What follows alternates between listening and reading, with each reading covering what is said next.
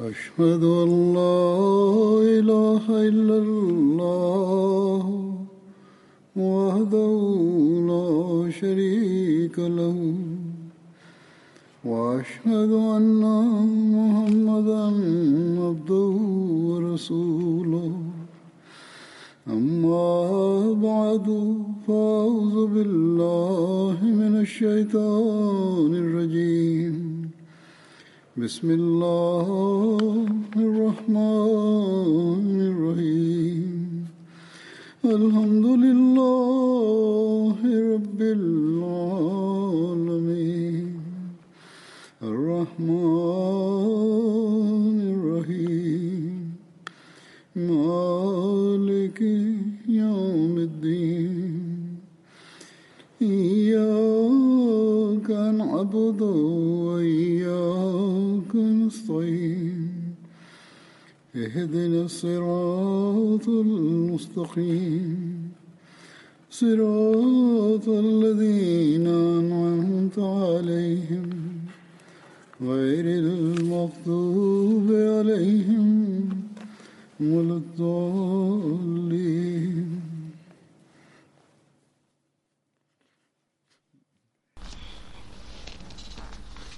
I danas, I danas se nastavlja priča o sahabima iz bitke Badra, ali na početku hoću da razjasnim jednu stvar, da prije dvije hudbe sam pričao u Hazreti Muaz ibn Jabal razijallahu talanhu. Dakle, u pitanju je jedan hadis iz Musned Ahmad ibn Hanbala u kojem se spomenuje o kugi. da je časni poslanik sallallahu alaihi sallam rekao uskoro ćete činiti hijret prema Siriji i ćete je pobjediti ali pojavit će bolest čireva koja će vijesti nad vama i koja će čovjeka ufatiti uz podniješ ljestevi. Ovaj prijevod nije bio tačan, bila je greška i nejasna, jasna. Zato ću danas predstaviti taj hadis sa ispravnim prevodom. Ismail, Ismail bin Ubedullah prenosi da je Hazreti Muaz ibn Jabal radijallahu ta'ala rekao da je čuo od časnog poslanika sallallahu alejhi ve sellema da ćete činiti hijret prema Siriji i ćete je pobijediti. Tamo među vama će pojaviti bolest koja iz, će izgledati poput abcesa ili oštrog ugzir, ugriza i pojavit će se u donjem dijelu ljudskog pupka. Sad je to ono što će ufatiti pod nožje ljestvica, ovaj prevod sadrži različite riječi koje su pogrešne. Ispravan prevod je da će se pojaviti u donjem dijelu pupka, baš kao što se apsus pojavljuje u donjem dijelu pupka ili iznad noge ili u sredini tijela. Sa time Allah će ljudima podariti šehadet i će očistiti i, i će očistiti njihovi dijela. Tada je Hazret Muaz molio o Allahu, ako znaš da je Muaz ibn Jabal to čuo od Allahovog poslanika, onda daj njemu i njegove porodici veliki dio toga. Pa nakon toga svi su postali žrtva kuge i ni jedan od njih nije preživio. Kad se na njegovom Kažipurstu pojavila kuga, rekao je, ne bi bio sretan da za uzvrat imam srvenu devu. Ovo je bila ispravka na prevodu za alfazar i za štampanje već je ispravljena, pa mislio sam da to predstavim i za vas. Sad ću nastaviti u Hazreti Abdullah ibn Amru.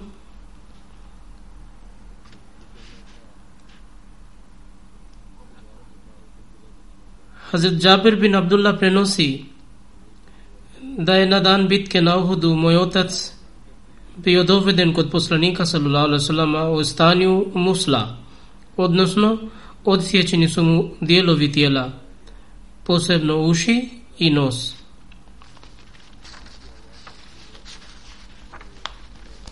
Njegovo, je, njegovo tijelo je bilo postavljeno ispred Allahovog poslanika sallallahu alaihi sallam. Kad sam počeo podizati platnu sa njegova lica, ljudi su mi zabranili. Tada su ljudi čuli kako žena vrišti i neko je rekao da je ona čerka Hazreti Abdullah ibn Amra, zvala se Hazret Fatima ibn Amr ili se također kaže da je bila sestra Hazreti Abdullah ibn Amra. Na to je časni poslanik sallallahu alaihi wasallam rekao prestanite plakati jer meleci stalno ga zasjenio u krilima. U drugoj predaji Hazrat Džabir bin Abdullah prenosi da kad su doveli mog oca na dan Uhuda, moja tetka je počela plakati, a zatim i ja sam isto počeo plakati. Ljudi su me započeli zabranjivati, ali Allahu poslanik sallallahu alaihi wasallam mi nije zabranio. Onda Allahu poslanik sallallahu alaihi wasallam je rekao: "Da li vi plačete nad njim ili ne?" Tako mi je Allaha Mljeci su ga zasnijevali krilima dok ga niste zakopali.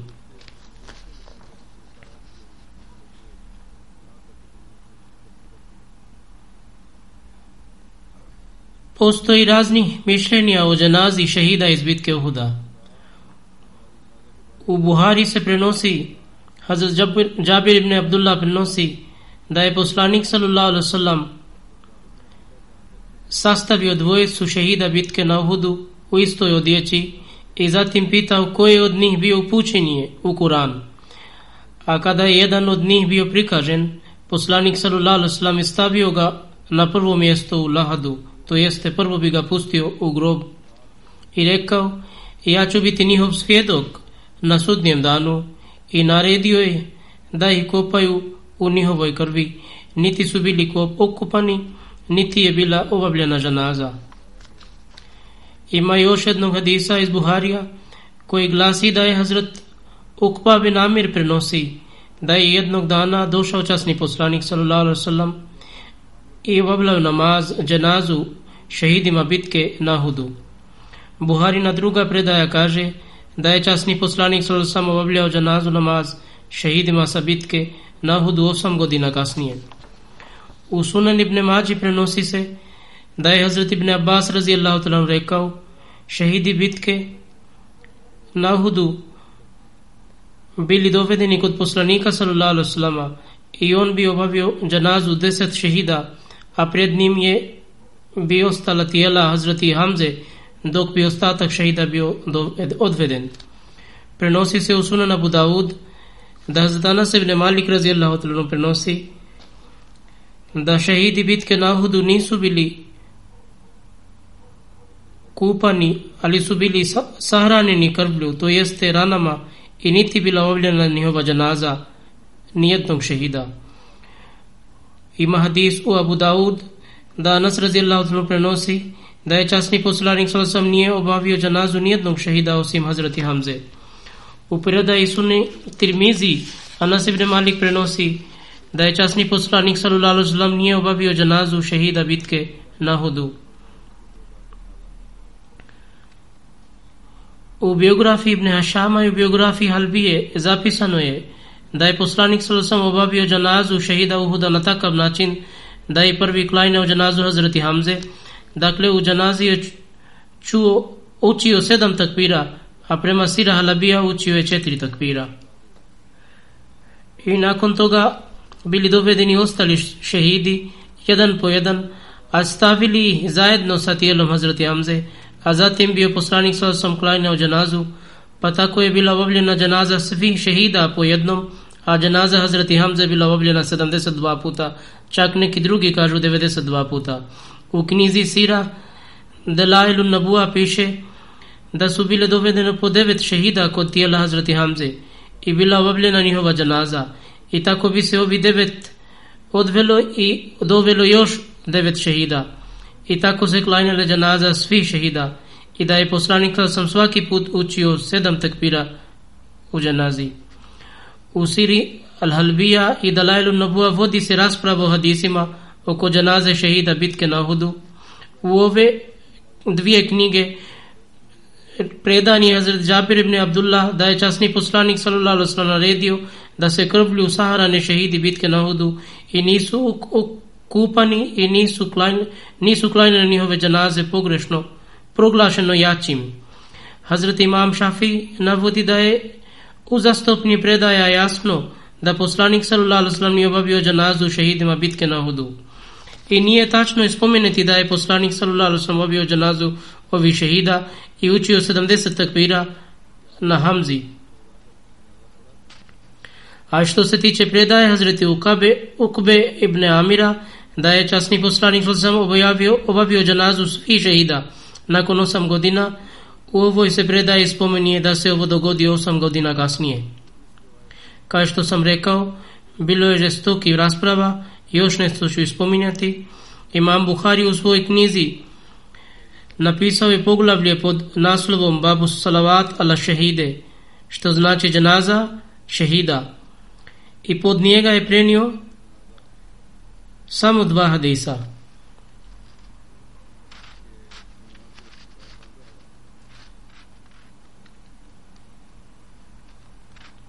prvi hadis od Hazrat Jabir bin Abdullah gdje se spomenuje da je šehid bitke na Uhudu nisu okupani i da im se nije bila obavljena džanaza dok se u drugom hadisima prenosi da od Hazrat Ukpe bin Amira a na nabije sallallahu alaihi sallama خرج یومن فصل اللہ دن صلاح المیت ید نقدانہ یہ عزش و جسنی پسلانی صلی اللہ علیہ وسلم اقلانا و جناز و نماز شہید ما اہدا آئستی و حدیث سے نالزی بخاری تکوج ریزا بلجن پود پوگلا بلیم بیت کا نہ ہودو تامو استو و حدیث استی اصحاب پرنو سی کاجے صلی اللہ علیہ رسول اللہ صلی اللہ علیہ وسلم اللہ قتل احدن بعد سمانا سنين کل مودل بلخ احیاء والاموات دائی پسلانی صلی اللہ علیہ وسلم کلائنیو جنازو ذا شہید اہدا نکنو سمگو دینا کودا سے اپراشتا ادشیفی ایلی مرتوی تکوجر علامہ ابن حجر اسقلانی نایزیا بھی حضرت امام شافیہ کاجے دا توز ناچی نیمو جسے اپبلیتی جنازو نا دومر لیم نا کندوجی پیریو دا نیگو بسمرتی Mišljeni imam Šafija je da kada je Allah poslanik sallallahu sallam saznao da se približava njegova smrt, otišao je do grobova ovi šehida, oprostio se od njih, molio se za njih i tražio oprost za njih. U kontekstu sahrane šehida Uhuda, Hazan Mirza Bashir Ahmad, razijallahu talanu usira Hatamun Nabin, piše da nakon zbrinjavanje leševa započeo je posao sahrane, Časni poslanik sallallahu sallam je rekao da odjeću na tijelima šehida treba ostaviti takvom kakva jeste i šehide ne treba kupati. Međutim, ako ne, neko ima dodatno za pokrivač, neka je mota preko odjeću koju nosi, niti džanaza bila obavljena. Zabog toga su šehidi pokupani bez gusula i bez klanjene džanaze i obično su dva asaba u jednom platnu bila sahranjena zajedno u istom grobu po naredbu poslanika sallallahu alaihi wasallam asabi koji je više poznavao časni Kur'an njega su prvo pustili na grobu i onda piše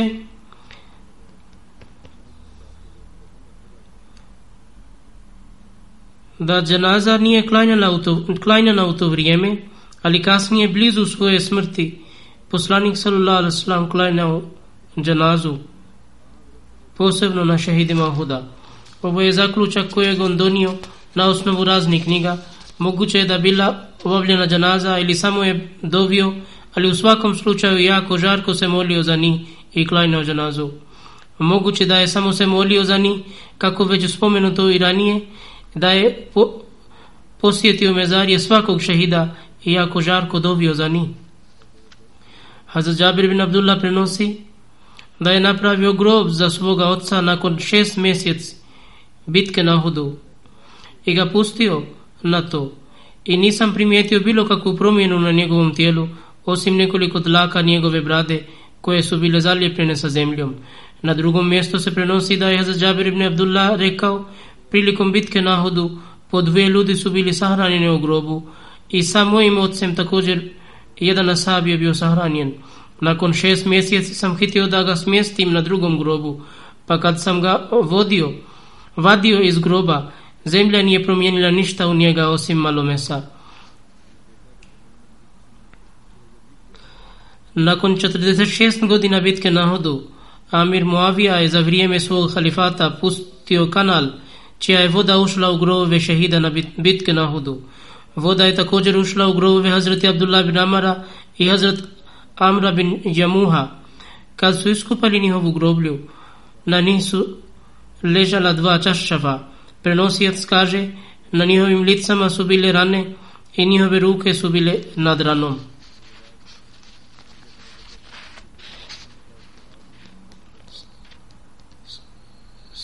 Sljedeći dio predaja je nastavak ovog predaja.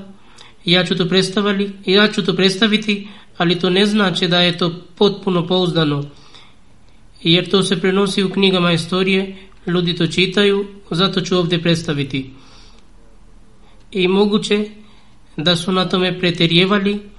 Uglavnom on kaže, kada je ruka podignuta iz rane, rana se počela krvariti, ali to je nemoguće. Pa ruka mu je vraćena na ranu i tada je krvarinje prestalo. Pa ovakve predaje također se pojavljuje koje su zaista upitne. Džabirin Abdullah kaže, vidio sam svog otca u grobu, kao da spava ali prethodno je rečeno da ga kad izvadio iz groba nakon šest mjesec bila je promjena na meso onda nemoguće da nakon 40 godina nije bila nikakva promjena i nije bilo kosture također pod prirodnom zakonom nemoguće da nije bila promjena Hazir Jabir bin Abdullah prenosi da je sreo sa poslanikom sallallahu alaihi wasallam I rekao je, o Džabire, o čemu je stvar, vidim te tužan.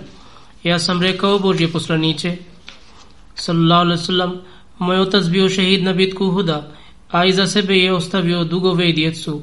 Rekao je poslanik, sallallahu alaihi sallam, zar te ne bi radovao vijesti, čim je Allah sreo tvojim otcem?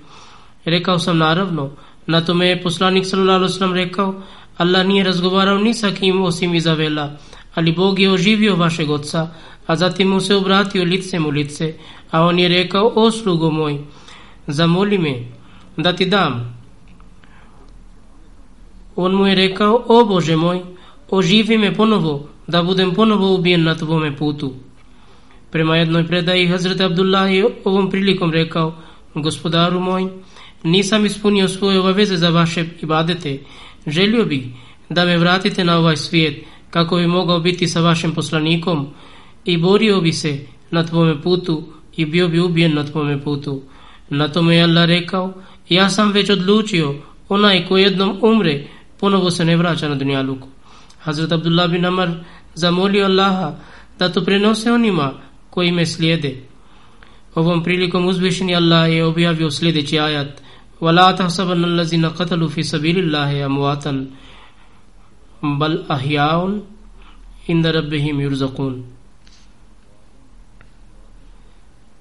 ne smatrajte mrtvima one koji su ubijeni na Allahovom putu ne živi su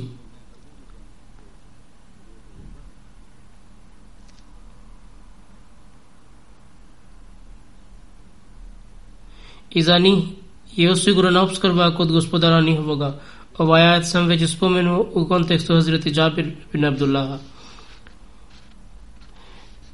Prije hilafeta četvrti halifa na svom govoru je ispričao ovaj događaj, odnosno razgovor između Allaha i Hazreti Abdullah ibn Amra. Na takav način koji zapravo pokazuje ljepotu ovog događaja sa više aspekata. I iz bilo kojeg aspekta posmatrajte ovaj događaj svaki put daje novi sjaj. Među ostalim stvarima možemo svjedočiti da kako je časni poslanik sallallahu alejhi ve sellem stalno bio u kontaktu sa svojim gospodarom, U isto vrijeme je bio milosti prema ludima, a također je povezan sa Allahom. Sa jedne strane bio je ljubazan prema svojim asabima, a sa druge strane neprekidnom odnosu svojim voljenom. Kako je u vrijeme mira, njegova bića je bila na vrhu summa da nafata dalla, također nijedan trenutak nije se rastavila u vrijeme rata. Jedno oko čuvalo je bojno polje, drugo je bilo zauzeto posmatrajući lijepotu voljenog. Jednog uho bilo je sa milošću savijeno prema savima, a drugo je bilo zauzeto slušanjem slatki riječi svog gospodara iz Arša. Ruka je bila zauzeta poslom, ali srca povezana sa voljenom. Dok je on tješio sabe, Allah je tješio njega.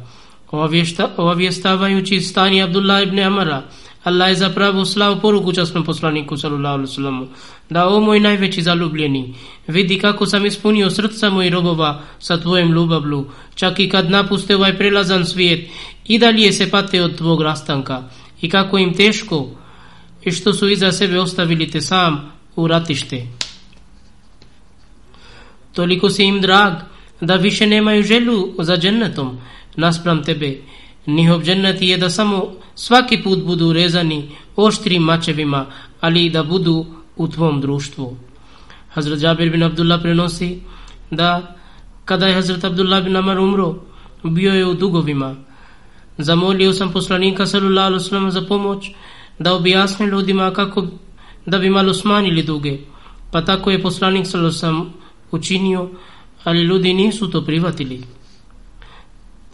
Tad mi je poslanik sa sam naredio da odvojim svi vrsta hurmi kao ađva i izg bin zed i onda ga obavijestim kad to završim. Pa i tako sam uradio i poslao poruku poslaniku sallallahu alaihi sallamu. Pa poslanik sallallahu alaihi sallam je došao i suje je i sjeo je na hrpu dlanova ili između njih, a zatim je rekao izmjeri im daj. Tako sam im mjerio i im dao ono što su zaslužili, ali i da li je kod mene su mi ostale hurme. Meni se činilo da ništa se nije smanilo. Hazrat Abdullah ibn Amar iza sebe ostavio šest čerka i jednog sina Džabe bin Abdullah. Po predaji sahih Buharija, Iza njega su ostale sedam ili devet čeri.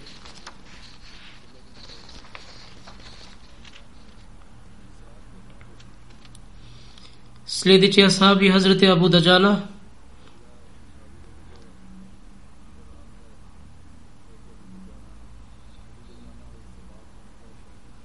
On potiče iz Ansarovog plemena Hazrađa i Benu Sadovog grane.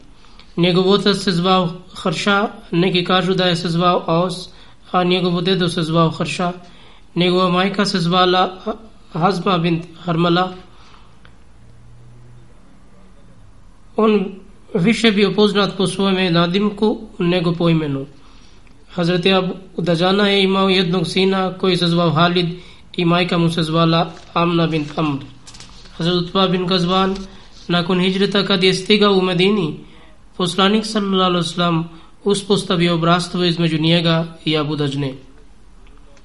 Hazrat Abu Dajana je učestvao sa poslanikom sallallahu alaihi sallam u bitci na Bedru i Uhudu i drugim bitkama. Hazrat Abu Dajana je bio među plemeniti asaba Ansara i odigrao je značajnu ulogu u bitkama sa poslanikom sallallahu alaihi sallam. Bio je hrabar u bitkama i i također bio poznat konjanik. Imao je srvenu maramu koju je samo tokom rata nosio na glavi. Kad bi nosio srvene maramice, tada ljudi bi znali da je spreman za bitku. On je bio među hrabrim ljudima. Muhammad ibn Ibrahim prenosi od svoga oca da je Hazret Abu Dajana bio poznat po svom srvenom turbanom u ratovima.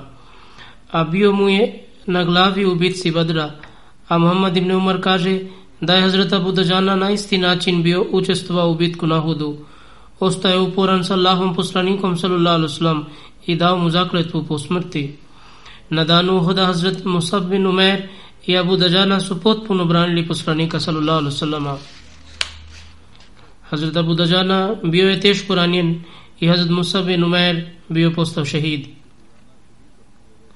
Hazrat Anas radi Allahu anhu prenosi da je časni poslanik sa sam držio mač na danu da i rekao man yakhuzu minni haza znači ko će ovo preuzeti od mene svi su hteli da uzme i rekli ja ću ja ću časni poslanik sa sam ponovo je rekao faman yakhuzu hu bihaqihi ko će ovo preuzeti sa njegovim pravom Hazrat Anas radi Allahu anhu kaže tada ljudi su odustali Pa Hazrat Samak bin Harsa i Abu Dajana su rekli ja ću sa njegovom pravom uzeti. Hazrat Anas kaže uzeli su mač i otklini, otklon, otklinuli otkinuli glave mušricima.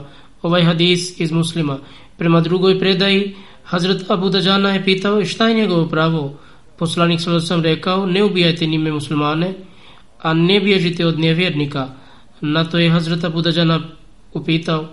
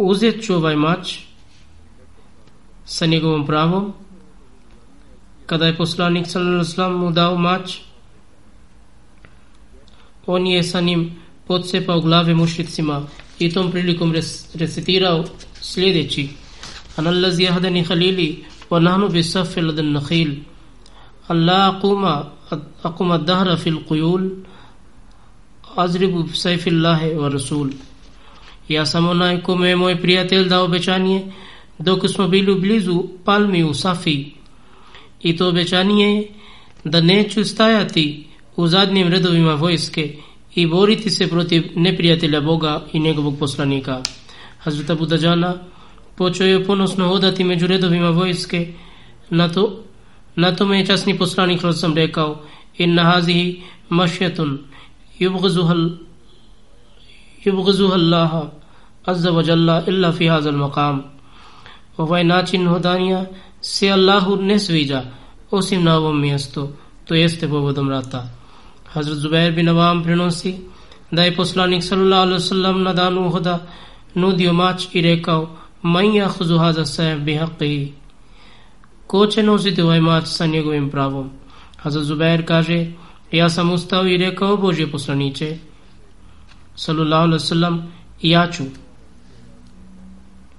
نیچے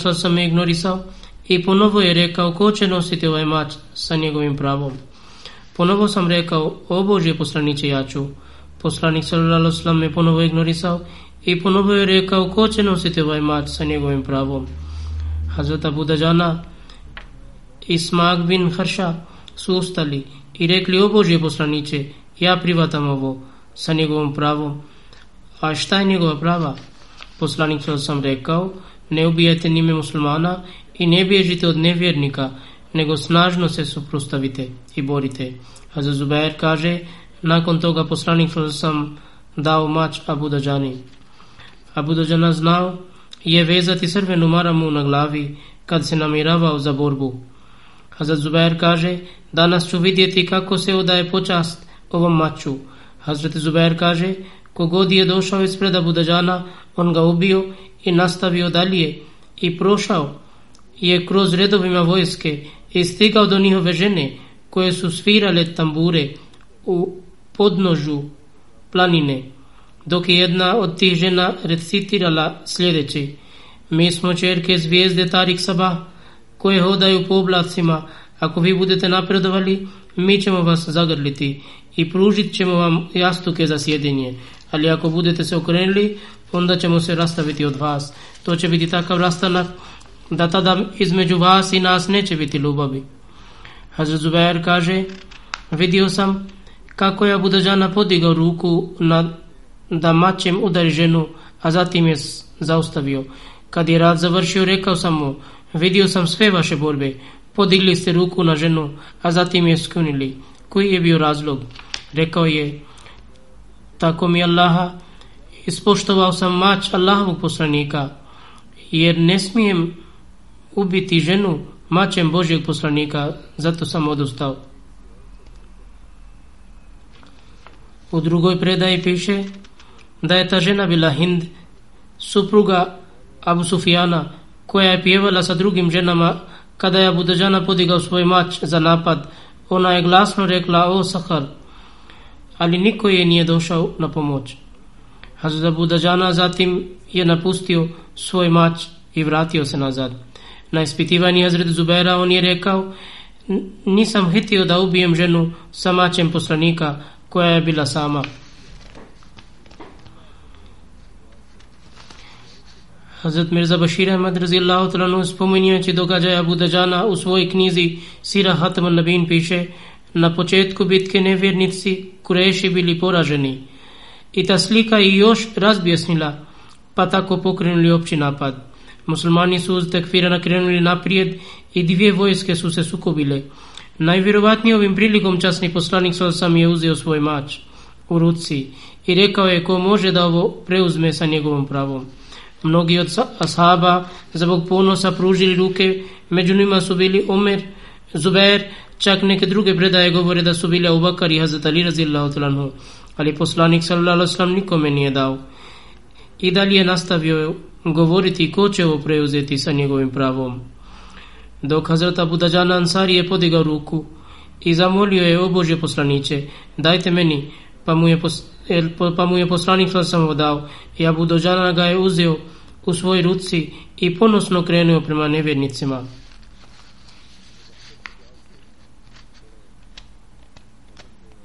Časni poslanik sam je rekao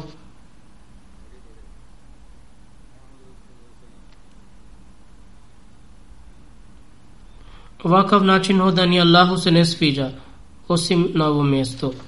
Zubair koji je najviše želio uzeti mač Božeg poslanika i smatrao je to svojim pravom zbog svoje bliske veze sa poslanikom, počeo se u svom srcu pitati zašto mi je poslanik Svrlalaslam nije dao ovaj mač, a dao ga Abu pa Dajjalu. I da bi došao do konačnog zaključka, odlučuje da će pratiti Abu Dajjalu na ovom polju i vidjet će šta će on uraditi ovim mačem. Pa kaže da je Abu Dajjalu za vezao srvenu maramicu oko glave i sa mačem ušao u redove mušrika izgovarajući hamd. I vidio sam da se kamo god išao samo je rasipao smrti i nisam vidio nijednog čovjeka koji je došao pred njega, i, a ostao živ. Čak se probio kroz vojsku Kureša i otišao na drugu stranu vojske, gdje su stale žene Kureša. Hinda, suprug, supruga Abu Sufijana koja je bila ohrabrila, ohrabrila svoje lude. Abu Dujana je podigao mač nad njom. Na to je Hind glasno zavapila i pozvala svoje lude u pomoć, ali niko joj nije došao u pomoć. Zubair kaže, ali sam vidio da Budajana sam se spustio mač i povukao se. Zubair prenosi da sam ovom prilikom pitao Budajanu o čemu je stvar, što ste prvo podigli mač, a zatim ga spustili. On je odgovorio, moje srce nije bilo za to da ubijem ženu sa mačem Božijeg poslanika sallallahu alaihi sallama i ta žena je koja nije imala sa svom muškog čuvara. Zubair kaže da sam u to vrijeme shvatio da ja ne bi mogao ispoštovati čast mača časnog poslanika sallallahu alaihi wasallam kao što je Abu Dajjal ispoštovao i tako moja sumnja bila otklonjena. Drugi halifa je prenio ovaj događaj na sljedećim načinom. U bitci na Uhudu poslanik sallallahu alaihi wasallam donio jedan mač i rekao dat ću ga onome ko obeća da će ispuniti njegova prava. Mnogi ljudi su ustali da uzmu ovaj mač, ali on ga dava budađani Ansari. U jednom trenutku bitke neki vojnici iz Mekke napali su Abudađana. Tokom borbe sa njima on je vidio jednog vojnika kako se hrabro bori. Uzeo je mač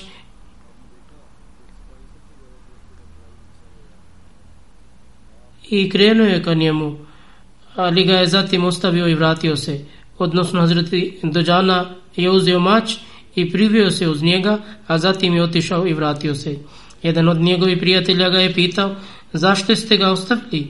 Rekao je da kad sam se približavao onoj osobi, ona je izgovarala takva rečenica koja mi je dala do znanje da je u pitanju jedna ženska osoba. Prijatelj mu je rekao, u svakom slučaju ona se u vojsi borila kao vojnik, zašto ste onda je ostavili? Abu Dajana je rekao, moje srce mi nije dozvolilo da upotrebi mač koji mi je dao Boži poslanik sam protiv jedne slabe žene. Hazreti Muslima od razila otim dalje kaže, uglavnom časni poslanik sallallahu je uvijek govorio za poštovanje prema ženama i zbog čega su žene nevjernika hrabro pokušavale naštetiti muslimanima, ali ipak muslimani su trpili te stvari.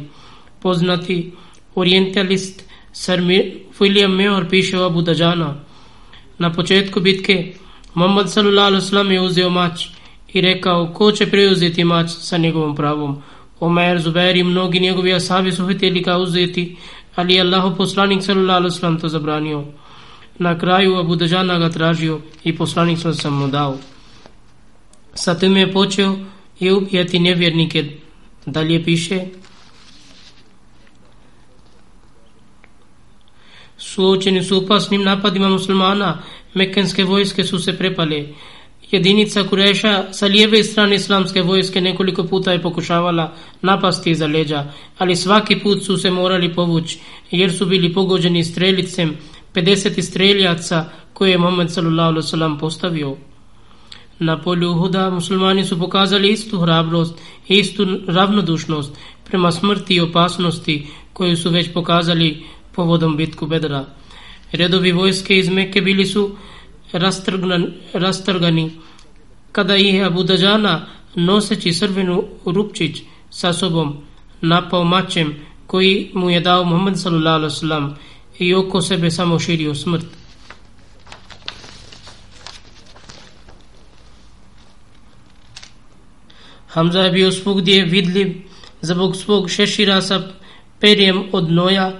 Ali, Ali sa svojim dugim i bijelim čelom i Zubair sa svojim blistvim žutim turbanom poput hrabre elite, gdje god je išao, prenuje neprijatelju poruku smrti i nevolje.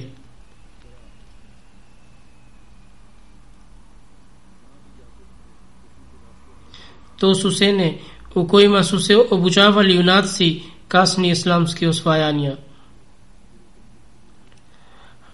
Hazreti Ibn Abbas r.a. kaže kao što sam već prenio iz Sirat Hataman Nabin da kada je časni poslanik s.a. kada se vratio sa Uhuda dao je mač svojoj čeri Fatimi i rekao o čeri opri operi krv sa njega a za daliniju je također dao svoj mač i rekao oprati krv sa njega a Tako mi je Allaha danas mi je pružio dobru podrušku. Poslanik sallallahu alejhi na tome odgovor, govorio: Ako si ispunio svoju obavezu na borbu, onda su sigurno i Suhel ibn Hanif i Abu Dajjal to uradili. U jednoj drugoj predaji se spomenuje Haris bin Sama u mjesto Suleh bin Hanifa. Zajed bin Aslam prenosi da su ljudi dolazili kod Abu Dajjne dok je bio bolestan, ali lice mu je bilo jako blistavo. Neko je pitao zašto vaše lice blista? Hazret Abu Dajala je rekao među mojim dijelima postoje dva moja dijela koja su, mo, koja su po mom mišljenju vrlo vrijedna i čvrsta. Prvo je da nikada ne pričam ono što nema nikakve veze sa mnom. Drugo je da moje srce uvijek čisto za muslimane. Hazret Abu Dajala u bitci u Jemami postao šehid. Nakon smrti časnog poslanika sallallahu alaihi sallama, Muselima Kazab je iznio tvrdnju lažnog poslanstva i planirao je napad nad Medinom. Abu Bakr radijallahu ta'ala je poslao vojsku da ga pokori u 12. hijđretskoj godine. Hazrat Abu Dajana također je bio dio te vojske. Hazrat Abu Dajana se zestoko borio u bitci imami i postao šehid. Plemena Benu Hanifa, koja je bila jedna stara plemena i njihov jedan dio, jedan veći dio pod vodstvom Muselema Kazaba, pobunili se, su se protiv Medine i imali su baštu u jamami i borili su se opkoljeni u nju, pa tako muslimani nisu imali priliku da uđu unutra. Hazreti Abu Dajjala je rekao muslimanima da ga ubace u bašti, muslimani su učinili isto, ali kad je pao na drugoj strani bašte, slomio je nogu, međutim i dalje nastavio se boriti na ulazu bašte, istjerao je mušlike iz tog mjesta, pa tako muslimani su ušli unutra. Hazrat Abu Dajana je učestvovao u ubistvu muslima Kazaba zajedno sa Vehši ibn Harbom i na dan imami je poginuo. U jednom predaji se kaže da je Hazrat Abu Dajana poginuo u bitci Safina borujući za Hazrat Alija, ali ova predaja je slaba nego prethodna je ispravna nego prethodna je ispravna i može se naći sa više izbora. Kao već sam nešto pred, predstavio i prije, A ovdje ću još toga predstaviti što se tiče Hazreta Budađane. Hazreta Budađana je bio od Ansara i privatio Islam prije hijrata časnog poslanika sallallahu alaihi sallama. Bio je stanovnik Medine, imao je čast učestovati na bitci Bedra sa poslanikom sallallahu alaihi sallamu i pokazao je veliku hrabrost.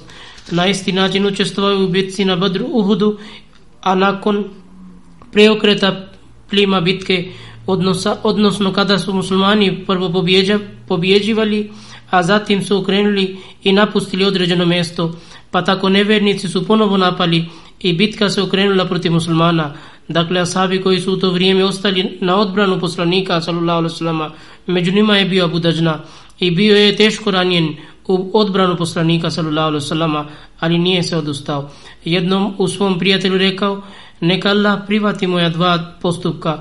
Jedan, je da ne pričam gluposti, ne ogovaram ljudima iza leđa, a drugi je da u srcu nemam zavida i mržnju za muslimanima, za muslimane. Time se završava njegova sira. Sad ću spomenuti neki umrli i također ću voditi njihove džanaze. Među njima ima i jednog šehida koji je bio ubijen prethodnim danima, gospodin Mahbub Khan, sin Sayed Jalal iz kant kantona Pešavara. Gospodin Mahbub Khan, Khana su neprijatelji džamata, ubili pucanjem oko 8 sati ujutro 8. novembra 2020 godine u selu Šeh Muhammadi u Pešavar. Inna lillahi wa inna ilaihi rajiun. Prema detalju gospodin Mabub Khan 6. novembra iz Khushhal town Pešavara je otišao na posjet u svojoj unici koja je živila svojim porodicom u selu Šeh Muhammadi.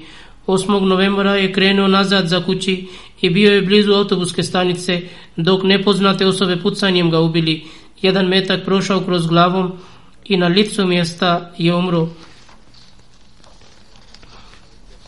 Inna lillahi wa inna ilahi rađevun. Ubica je pobjegla nakon incidenta bio je jedan čovjek i pobjegao je.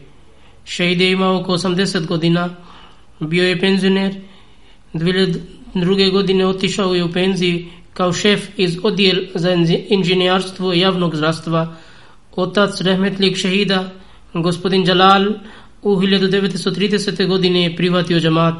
Rahmetli šehid je bio rođen Ahmedi, posjedovao je mnogi vrlina, bio je redovan na noćnom namazu, bio je iskren, čo, krasan čovjek, pored toga bio je dobar domaćin i jako darežljiv imao je veliki žal za širenje poruku džamata, bio je među prvima na ovom polju. Kad god bi se tražilo da bude oprezan, jedini njegov stav je bio da sad se već približava vrijeme da se pojavim pred Bogom. Ako budem šehid, onda to će biti velika čast. Uglavnom njegova želja za šehadatom je ispunjena. Miraž Begam, supruga Mahbub Khan sahib, šehida, ima čast da su njen otac Muhammad Said i Amidža Bashir Ahmed,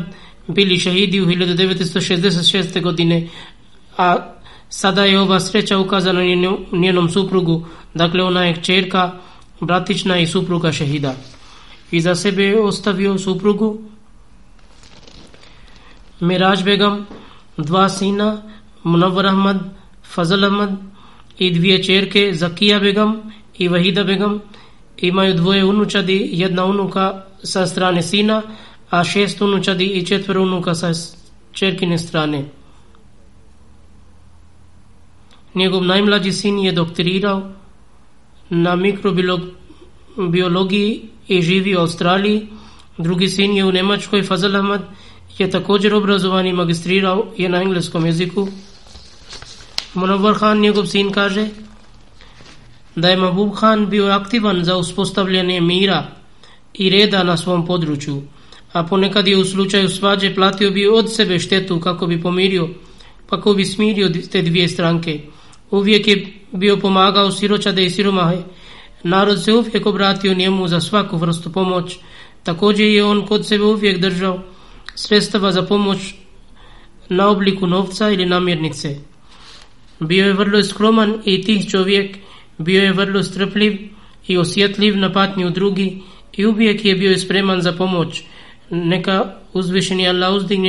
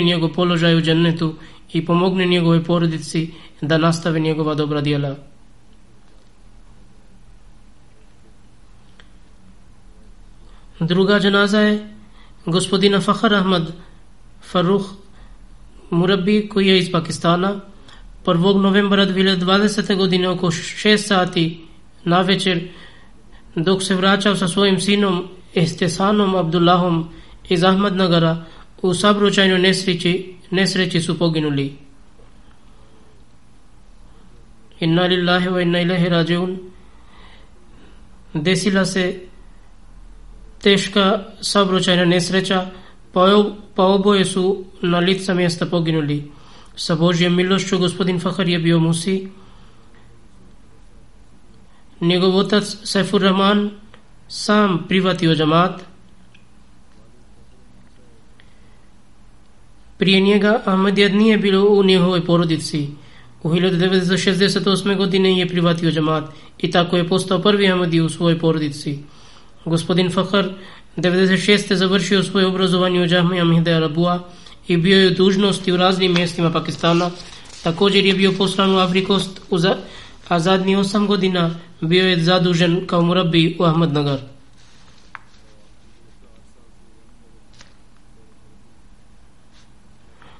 اوجینیو سے گسپجم تاہروں فخر کویا چیر کا علی ازگر صاحبہ اس گویا ایک ایمہ چیتری چیری کہ چیر کا اید نو سینا سین احتسام عبداللہ عمر و نیسر چیزا اید نو سم اسادہ ایز گیا ایمانی کو بس اوپرو گا ایمہ چیتری چیر کے آو سمتو گا ایمہ امائی کو ایبراچو ایس ایسترے چیری سو وجیہ حمد الصبو عزیزہ خافیہ فخر سمرین فخر امارین فخر سفرگا فخر صاحب طاہرہ گسپ جو طاہرہ پیشے دائے قدس اسے اپرے اوزے لی امہ یہ دوجنوست او یدنم سے لوگ کو شابہ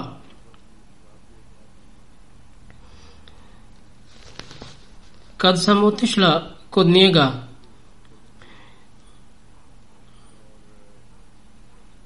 On mi objasnio o obavezama supruga jednog murabija. I rekao mi je, ti, ti si također sa mnom u vakfu i moraš što više učestovati u džamanskim aktivnostima. Znači na ovakav način je obratio pažnju. Također izvršio dužnost u bedinu. On je već bio tamo smješten, supruga mu kasnije došla kod njega. Ona kaže kad sam trebala otići kod njega, Ranije sam mu obvijestila o svom dolasku, ali kad sam stigla tamo, on nije bio u centar. Ja sam sjedila vani pod suncem. Iz džamije sam saznala da je otišao da daruje krv jednoj ženi od našeg muallima koja je bila volesna. Kasnije sam ga pitala čitav dan sam morala sjesti vani pod suncem, a znao si da se čuo, znao si da ću doći, ali rekao mi je taj posao bio važnije i na ovakav način trebamo da se žrtvujemo kada je bio u Afrikost, također je obavio mnogi humanitarni rada i sa džamatskim radom i uvijek je stavljao vjeru ispred svoje supruge i djece. Njegova supruga kaže da jednom se jako razboljila nakon što joj se zdravstveno stanje pogoršalo, trebala roditi čerku. On bi trebao da krene na putu kako bi da organizovao zdravstveni kamp. Doktor mi je rekao da mi stanje kritično, ali on mi je rekao ti si žena jednog vakfe zindagi, tebi ništa neće se desiti i tako je krenuo na putu. Uglavnom Rabi Saev vjeru stavio ispred svim svjetskim pitanjama, bio je gostoljubi, aktivan u humanitarnim radovima, veliki službenik vjere, imao je ogromnu ljubav prema svima, imao je prijateljski odnos sa djecom. U slučaju pojave bilo kakvi nerazumijevanja, bilo da se radi o domaćim ili porodičnim, ili džematskim, ili kod van džematskih prijatelja, znao je riješiti i smiriti ljude. Objašnjavaju je djeci da jeste djeca jednog vakfe zindegi, potomstvo jednog murabija, tako da uvijek trebate dati prednost vjeri nad svjetskim stvarima i postaviti dobar primjer. Vakef saheb je murabi iz Avrikost kaže da je Fakar saheb u Avrikost došao kao murabi, bio je vrlo družljiv i nasmijenog lica i i posjedovao moć za odgoja. Vrhunac njegove ličnosti je bio njegov zadivljujući razgovor koji ga je učinio najdražim. Pet godina služio je kao murabi u regiji Ome. Zabog dobrog ahlaka i ljubaznosti prema ljudima, dan danas narod ga pamte i spomenuje njega. Čak tajno bi platio siromašnjima za karte kako bi mogli putovati za džalcu. Kažu da je dok bio tamo, iz njegove regije najviše ljudi su dolazili na džalcu. Tamo je lokalni muallim Samaru Harun kaže da sam sa njim radio dvije i po godine i brinio se o meni kao brat. I e što sam posebno primijetio god njega, to jeste bio jako predan i vrijedan murabi. Svaki posao bi radio sa velikom odgovornošću. Uvijek se potrudio kako bi brže radio svoj posao da bi bilo tablig ili prikupljanje članine ili priprema za jelcu. I što se tiče tabliga, imaju ogromnu želju da što prije poruka džemata bude dostavljena svakom džematu. Neka uzvišni Allah uzdigne njegov položaj i bude čuvar njegove čeri i supruge i neka je spasi od svake nevolje i poteškoće u budućnosti. Treća džanaza je Tehsam Ahmad Abdullah, sina Fahar Ahmad Faruka. Kako sam već rekao, on zajedno sa svojim otcem je poginuo u savručajnoj nesreći. Со Божија милошќу био ваквено и студент прве години факултета.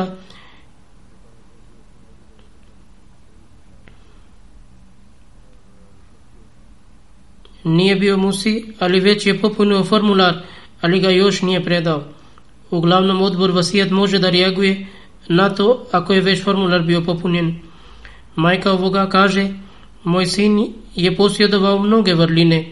Био е добар, покоран и i vakfeno, bio je redovan na namazu, uvijek je ispoštovao naredbu za ima Hodamu Lahmedija i uvijek je sa velikom zadovoljstvom izvršavao svoje dužnosti. Čak u istom danu nesreće imao je dužnost u džamin. Neka Allah oprosti njega i pokaže mu svoju milost i da uzdigne njegov položaj u džennet. A sljedeća džanaza za dr. Abdul Karim ibn Mija Abdul Latif iz Rafe, koji je bio penzioner ekonomski savjetnik državne banke Pakistana. On je preselio 14. No, septembra i maju 92 god, godine inna lillahi wa inna ilahi rađeun.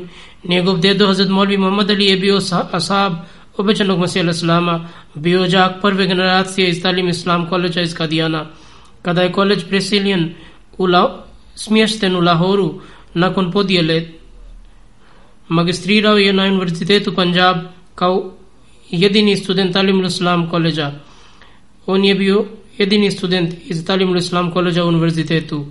Kasnije otišao u Ameriku i doktorirao je na ekonomiji na Univerzitetu, Univerzitetu George Washington uz stipendiju Državne banke Pakistana i tamo je također zadržao svoju rezidenciju u u mezvidu Fazl i nakon diplomiranje bio je aktivan na tablig.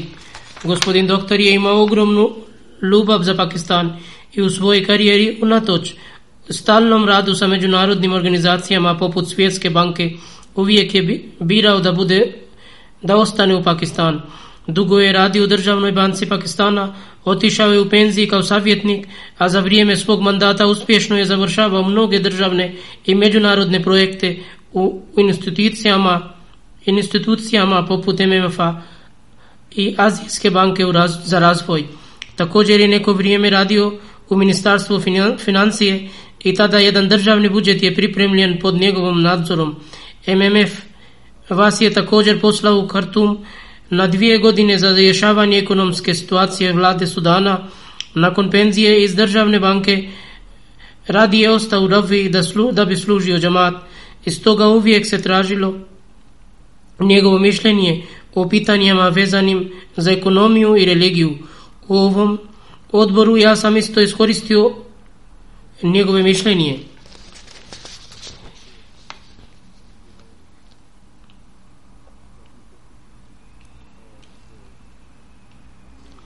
Bio je vrlo upućen u ovim pitanja i znao je pisati dobre članke i Njegov rad je bio baziran na dubokom istraživanju i uvijek je nudio praktično rješenje. Bio je autor nekoliki knjiga poput osnovne stvari islama na engleskom jeziku, također islam, životna filozofija i ekonomski princip na engleskom jeziku, zabrana kamata na urdu, zarađivati za život na urdu. Nakon penzionisanja, 89. godine posvetio se svoj život za džemat i po naredbi Hazreti Halifat al-Masih IV. otišao u Uzbekistan da preda ekonomiju na univerzitetu u Taškentu. Tamo je služio šest mjeseci. Četvrti halifa je osnivao jedan odbor za razmatranje pitanja hipoteke i kamate. Uleme i stručnjaci su bili članovi tog odbora. Također je imao pododbor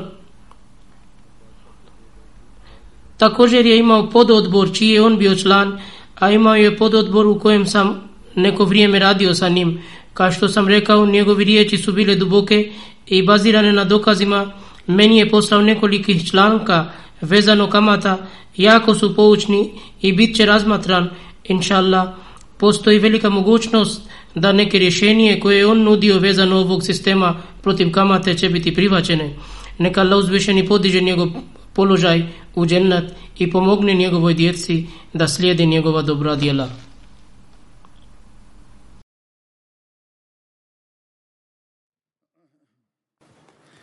الحمد لله الحمد لله نحمده ونستعينه ونستغفره ونؤمن به ونتوكل عليه ونعوذ بالله من شرور انفسنا ومن سيئات أعمالنا من يهده الله فلا مضل له ومن يضلله فلا هادي له